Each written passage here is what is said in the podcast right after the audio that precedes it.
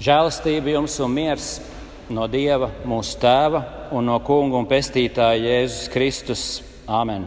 Klausieties šodienas svēto rakstu vārdus no Jāņa evaņģēlīja pirmās nodaļas, sākot ar 45. pantu. Filips atrod Natanēlu un saka viņam: Mēs esam to atraduši. Tas, par ko Mūzes bauslībā un pravieši rakstījuši, Jēzus no Nāceretes, Jāzepa dēls. Un Natanēls sacīja, vai no Nāceretes var kaut kas labs nākt? Filips viņam atbild: Nāc un redzi. Jēzus redzēja Natanēlu nākam un saka par viņu: Redzi, patiesi izrēlietis, kurā nav viltības. Natanēls saka viņam: Kā tu mani pazīsti? Jēzus atbildēja viņam: Pirms Filips tevi sauca, kad tu biji zem vīģes koka, es tevi redzēju. Natanēls atbildēja viņam: Rabī, tu esi Dieva dēls, tu esi Izraēla ķēniņš. Jēzus viņam atbildēja: Tu tici tāpēc, ka es tev sacīju, ka redzēju tevi zem vīģes koka. Tu redzēsi vēl lielākas lietas par šīm. Patiesi, patiesi, es jums saku, jūs redzēsiet atvērtas debesis un dieva eņģeļus uzkāpjam un nokāpjam uz cilvēka dēlu. Āmen! Nāc svētais gars, nāc apgaismo mūsu tavu vārdu patiesībā, jo tavi vārdi ir mūžīga un svēta patiesība. Āmen!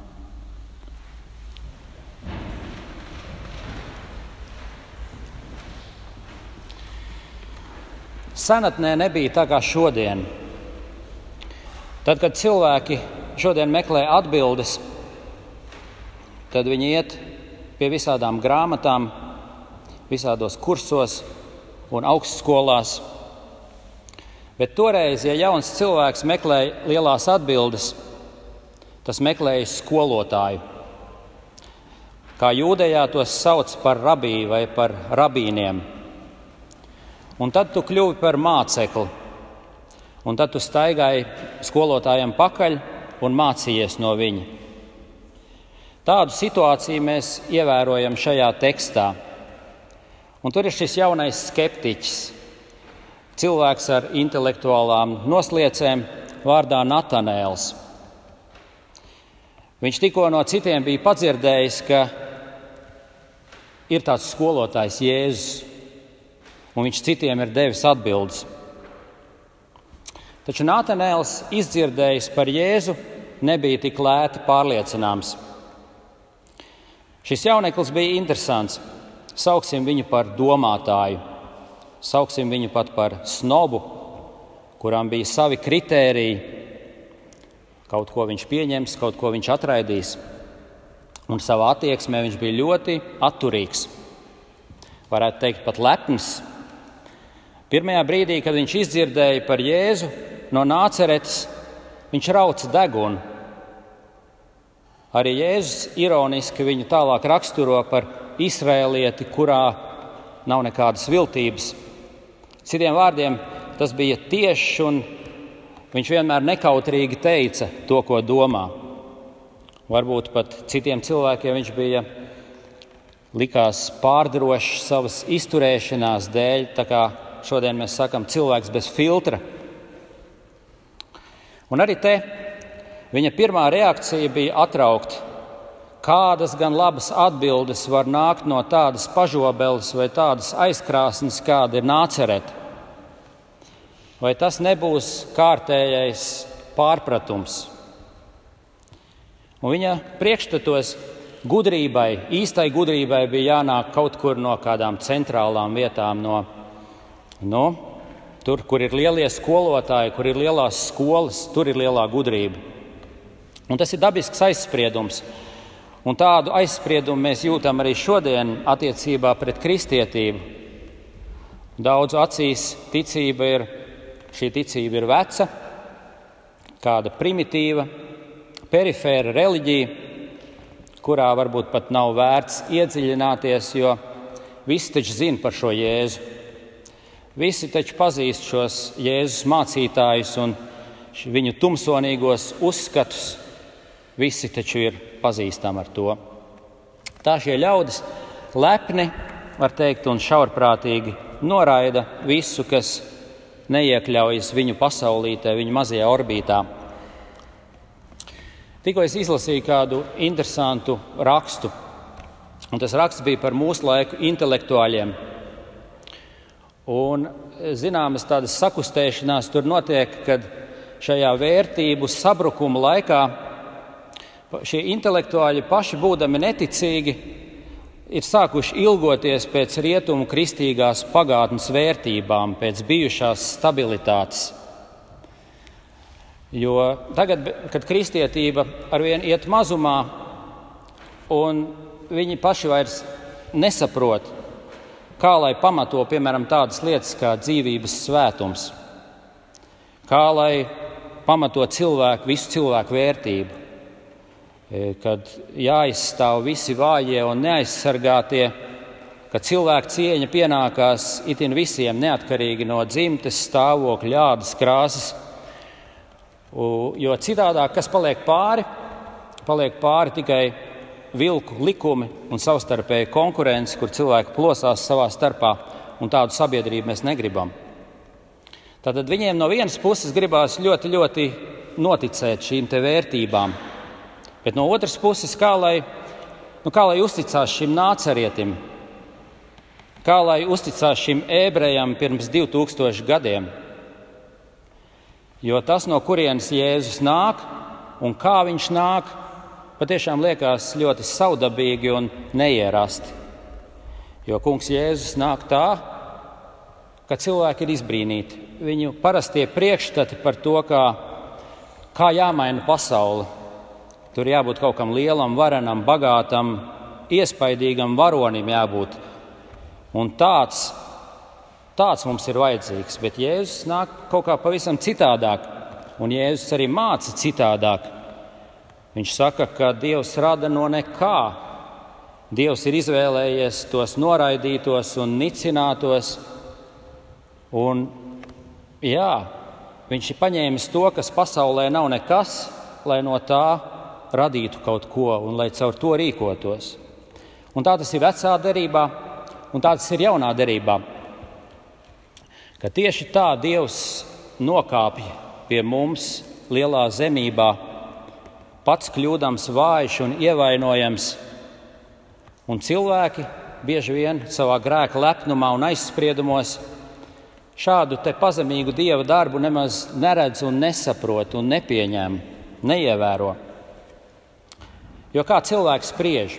Cilvēki spriež pēc saviem standartiem, pēc tādiem visu laiku skeptiķi un intelektuāļi ir sprieduši, un viņi ir pašpārliecināti, un viņi grib savu ceļu, un viņi grib paļauties uz savu prātu un uz saviem spēkiem. Un būtībā tas ir viņi paši grib uzbūvēt savas kāpnes uz debesīm un pa tām uzrāpties augšup. Un tad nu, top visādi šie pašpilnveidošanās, pašuzlabošanās modeļi, kā sasniegt pilnību, kā atbrīvot prātu, kā ar jaunām mācībām mēģināt uzliekt augstāk par zemi. Kā pie, pie, piedodiet par izteikumu, uzliekt augstāk par savu pēcpusi. Bet, protams, visi šie veidi ir cilvēciski, tie ir grēcīgi un tie pie dievišķām lietām iet būtībā ar cilvēciski netīrām rokām. Bet dievs un ticība nāk pie cilvēka citādāk.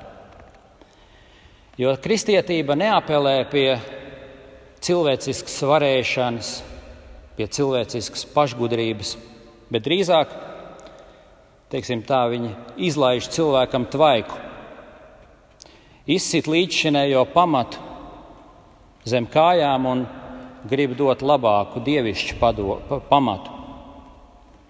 Un tātad dievam ir problēmas ar lepniem cilvēkiem, ar pārcentīgiem, pašapzinīgiem, tādiem, kas ir gudri fantazētāji, bet dievs nāk pie tādiem, kas ir drīzāk zemīgi, pat var teikt, kas ir muļķīgi, kas ir kā bērni, kuriem trūkst pašiem savas gudrības. Jo tad, kad Dievs ir izlaidis šo pašgudrības tvaiku cilvēkam, un kad tas ir atteicies no savas zināšanas un varēšanas, tad tur var nākt dieva gudrība, un atziņa un dievbijība. Un tieši to mēs redzam pie Nātanēla. Sākumā šis lepnais, vīzdegunīgais jauneklis. Un viņš saka, kas gan no nāceretes var nākt labs. Un tad, kad viņš sastopas Jēzu, viņš ir pārsteigts. Viņš apmetās otrādi un saka, Rabī, tu esi Dieva dēls, tu esi Izraēla ķēniņš. Tā dzīve viņam apmet kūleni, un viņš tiek apskaidrots, un, un, un, un, un viņš prasa, kā tu zini, kā tu mani pazīsti. Jēzus saka, es tevi redzēju zem vīģes koka un mēs ritīgi nezinām, kas tur bija zem vīģes koka, ko viņš īsti redzēja. Bet tā sajūta ir tāda, ka Jēzus bija lasījis viņā kā atvērtā grāmatā, un tas bija pārsteidzis Natanēlu. Viņš saprata, ar ko viņam ir darīšana. Tu esi Dieva dēls, tu esi Izraēla ķēniņš. Bet no Jēzus ironiskās atbildes mēs tomēr redzam, ka viņš nebija īsti sapratis Viņam nebija īstās zināšanas, kā viņam vajadzēja zināt.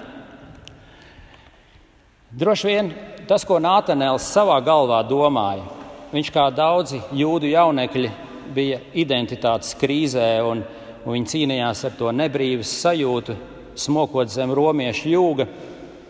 Viņi nesaprata, kāds tad ir Dieva prāts, kāds ir Dieva plāns visā šajā situācijā un visas sava laika piedāvātās atbildes viņu neapmierināja. Bet tagad, sastopot Jēzu, viņam pēkšņi saslēdzās. Varbūt tā atbilde tiešām nāk no nāceretes, lai cik neticami tas liktos. Varbūt, ka Jēzus tiešām būs tas īstais palīgs mūsu situācijā. Un tā Jēzus ļoti pacietīgi ar Nātanēlu nodarbojās. Viņš viņu neatraida, nekritizēja viņa emocionālo svaidīšanos, ka pirmā brīdī viņš ir skeptiķis, nākamajā brīdī viņš jau liekas visu sapratis, ir, lai arī mēs zinām, ka viņš īsti nebija sapratis. Tomēr Jēzus ar viņu čubinās, ņemās viņu māca un ved pareizā virzienā. Tā nu kungs rīkojās ar visiem mums arī. Viņš ir ļoti pacietīgs ar savu ar, ar, ar mūsu lēno saprāšanu. Viņš ir cerībā, ka mums tā saprāšana augs augumā un taps pilnīgāka, un mēs beigās sapratīsim tā, kā jāsaprot. Ko tad Jēzus ir nācis darīt? Kādas cīņas viņš ir nācis izcīnīt, kādu valsti viņš ir nācis dibināt, kādu glābšanu viņš ir nācis cilvēkiem nest. Un to mēs dzirdam Jēzus turpmākajos vārdos. Jo viņš pieņem tādu cilvēku. Viņš, ja kāds viņam ir sācis uzticēties, viņš grib viņam parādīt, ka tā uzticēšanās nav veltīga un tā tiks atalgota ar jauniem pierādījumiem, ar jaunām atziņām, ar jaunu stiprinājumu. Jo tas viss ir tikai ceļa sākums. Viņš grib cilvēku vest dziļākā un labākā atziņā. Un tas ir tas, ko mēs dzirdam Jēzus vārdos, un tas ir tas, ko Jēzus sola arī mums, ja mēs viņam uzticamies. Viņš mūs vedīs tālāk. Ja tu ticēsi, es tev saku patiesību, tu redzēsi Dieva eņģeļus, uzkāpjam un nokāpjam uz Dieva dēlu. Un tas nav tā, kā cilvēki bieži to iedomājās. Kad cilvēks, ja vien cilvēks nāks pie ticības, tad viņš viņam jāgaida uzreiz no Dieva kādas lielas lietas, ka es dabūšu visas atbildes, vai es kļūšu par to lielisko cilvēku, vai arī es vairs nebūšu tik vientuļš un man tā būs lielā palīdzība. Tad, kad cilvēks patiešām sastopas Dievu un Kristu, tad viss īstenībā mainās. Viņš atmet savas patērētāja prasības pret Dievu Viņš neizvirs dievam nekādus noteikumus, jo tā īstā sastapšanās ir tā kā Natānēlas stāstā. Tad atkrīt visi aizspriedumi, atkrīt visas pretenzijas. jo Jēzus izrādās lielāks, brīnumaināks un iespaidīgāks nekā cilvēks savā prātiņā bija iedomājies. Tad mēs dzirdam šo te Jēzus atsauci, ko viņš dod Natanēlēm par eņģeļiem. Viņš atsaucās uz vecās derības patriārha Jēkaba stāstu, to, ko mēs dzirdējām lasīt. Atcerieties šo viņa naksnīgo pieredzi, šo sapņiem līdzīgo piedzīvojumu. Viņš redzēja, ko viņš redzēja? Viņš redzēja debesu kāpnes, kas bija uzslietas un kuru gals bija pašās debesīs. Un viņš redzēja eņģeļus, kas augšu pleju kāpelēja. Un tas bija grūts brīdis Jēkabā dzīvē, jo viņš bija aizbēdzis no mājām un likās, ka viņa brālis viņu vajā, un viņš bija pavisam pazudis.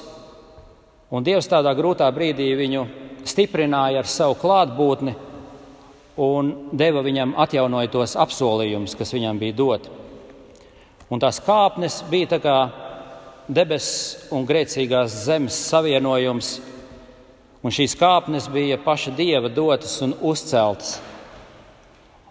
Un reizē mēs varam teikt, arī tas ir vecās derības norādījums uz jauno derību, ka reiz būs izredzētā dieva dēla iemiesošanās, nokāpšana virs zemes. Tas bija tas galīgais apsolījums. Un ar šiem vārdiem Jēzus grib pacelt Nātanēla domas augstāk par pīšļiem un putekļiem. It kā viņš teiktu, mīļais Nātanēl, tu domā, ka es, ka es esmu mesija, un tagad es jāšu pret romiešu apspiedējiem ar kara zirgu. Cēl savu sirdi augstāk un saprot labāk, kas ir mesija, vai tu atceries jēkaba kāpnes. Tagad, tepat tavā priekšā, tas viss piepildās. Tavu acu priekšā jau notiek šīs lielākās lietas. Es nemainīšu valsts iekārtas, bet es mainīšu ļaužu sirdis. Es uzveikšu nāves varu, es pārraušu iznīcības valgus, es došu pamatu jaunai radībai, un es tevi pašu darīšu par jaunu radījumu. Tavu acu priekšā izmainās debesis un zemes attiecības. Apmēram tā Jēzus uzrunā šo dedzīgo, nesaprātīgo jaunekli, šo skeptiķi. Un mēs varam teikt, Jēzus uzrunā arī šodien mūs, mūsu skepsi, mūsu aizspriedumus. Ka problēma jau nav tā, ka mēs par daudz gaidām no nāceretes. Problēma ir tā, ka visbiežāk mēs gaidām par mazu un mēs nepareizi gaidām. Mēs domājam visādas cilvēciskas domas un pasaulīgas cerības, un mēs bieži vien nepamanām to, ko Jēzus patiešām dara mūsu vidū, jau arī tagad. Viņš ir uzcēlis debesu kāpnes. Eņģeļi jau pa tām augšu pleju kāpelē. Pats Dieva dēls jau ir nokāpis un viņš turpina nokāpt pie mums, mūsu vidū, arī šodien. Viņš dara varenus darbus savu ticīgo sirdīs un dvēselēs. Tātad saprotiet, tās kāpnes ir uz mūsu sirdīm, jo viņš nāk pie jums ar savu piedošanas vārdu, ar savu mazgāšanu, ar šķīstīšanu un apžēlošanu Viņš brīnumaini atjauno jūsu dzīves un rada jūs pa jaunu. Kā jūs no dzirdēsiet, redzi, kas ir bijis, ir pagājis. Es visu daru jaunu, viss ir tapis jauns. Šīs kāpnes, protams, īpašā veidā, veidā un īpaši spēcīgi ir svētajā vakarēdienā, kad jūs saņemat Kristus miesu un asinis. Tā ir jūsu lielākā laime. Tur ir jūsu mūžīgā dzīvība, tur ir jūsu mūžīgā svētība. Un viņš jums saka, ņemiet un ēdiet. Tā ir mana miesa, kas par jums ir nāvē nodota. Ņemiet un dzeriet, tās ir jaunās derības asinis jūsu grēku piedošanai. Tas ar jums notiek šeit un tagad. Tās ir tās kāpnes, un tās ir pavisam konkrētas jūsu dzīvē. Ticiet tam! Āmen!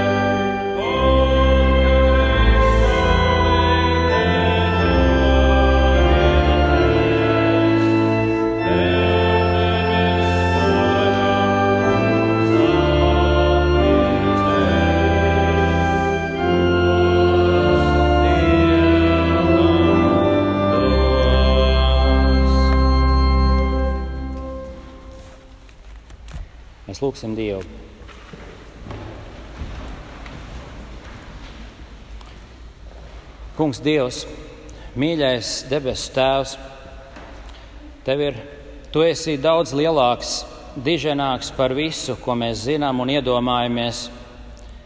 Lūdzam, sargi mūsu sirdis no lētiem aizspriedumiem un muļķīgas pašgudrības, kas neļauj ieraudzīt Tavas atklāsmes lieliskumu, ko esam saņēmuši Jēzu Kristu.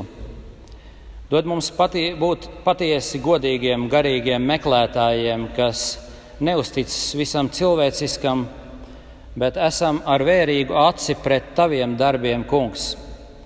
Pacel mūsu prātu, atver mūsu sirdis, lai mēs zinām, cik diženas lietas mums ir nākušas no nāceretes, un cik diženas lietas arī šodien ar mums notiek kristīgās draudzes vidū caur taviem vārdiem un sakramentiem.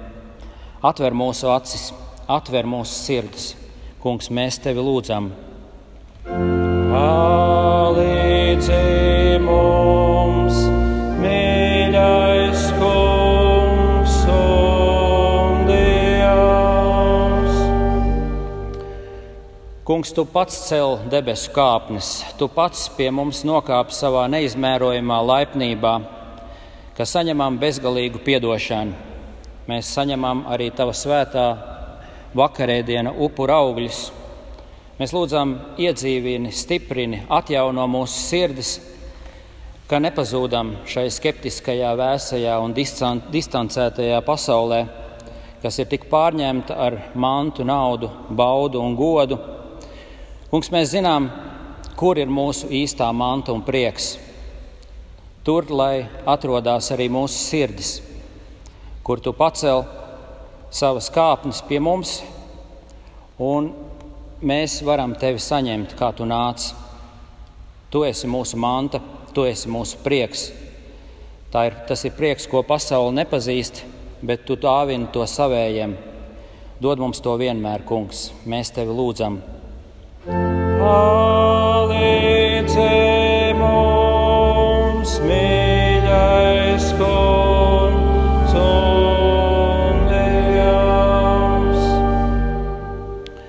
Tavas dāvanas draudzē, kungs, ir augstākas par visu, ko zinām un domājam. Tu esi licis mūsu pārlaicīgā eņģeļa un visu svēto kopībā, kopībā, kas ir pāri tautām un pāri robežām.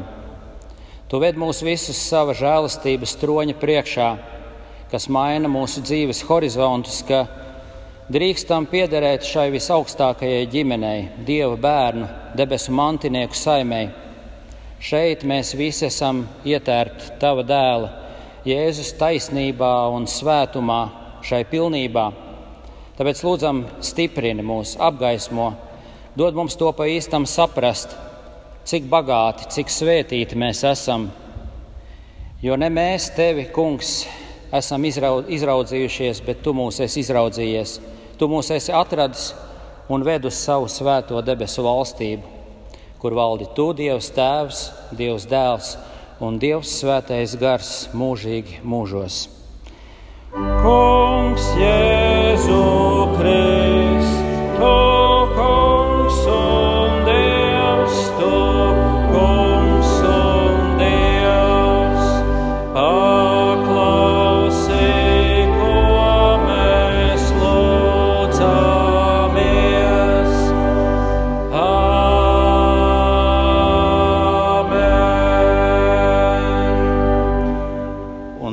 miers, kas ir augstāks par visu cilvēku prātu un saprāšanu, lai svētī un pasargā jūsu sirdis un domas Kristo Jēzu uz mūžīgo dzīvošanu. Āmen!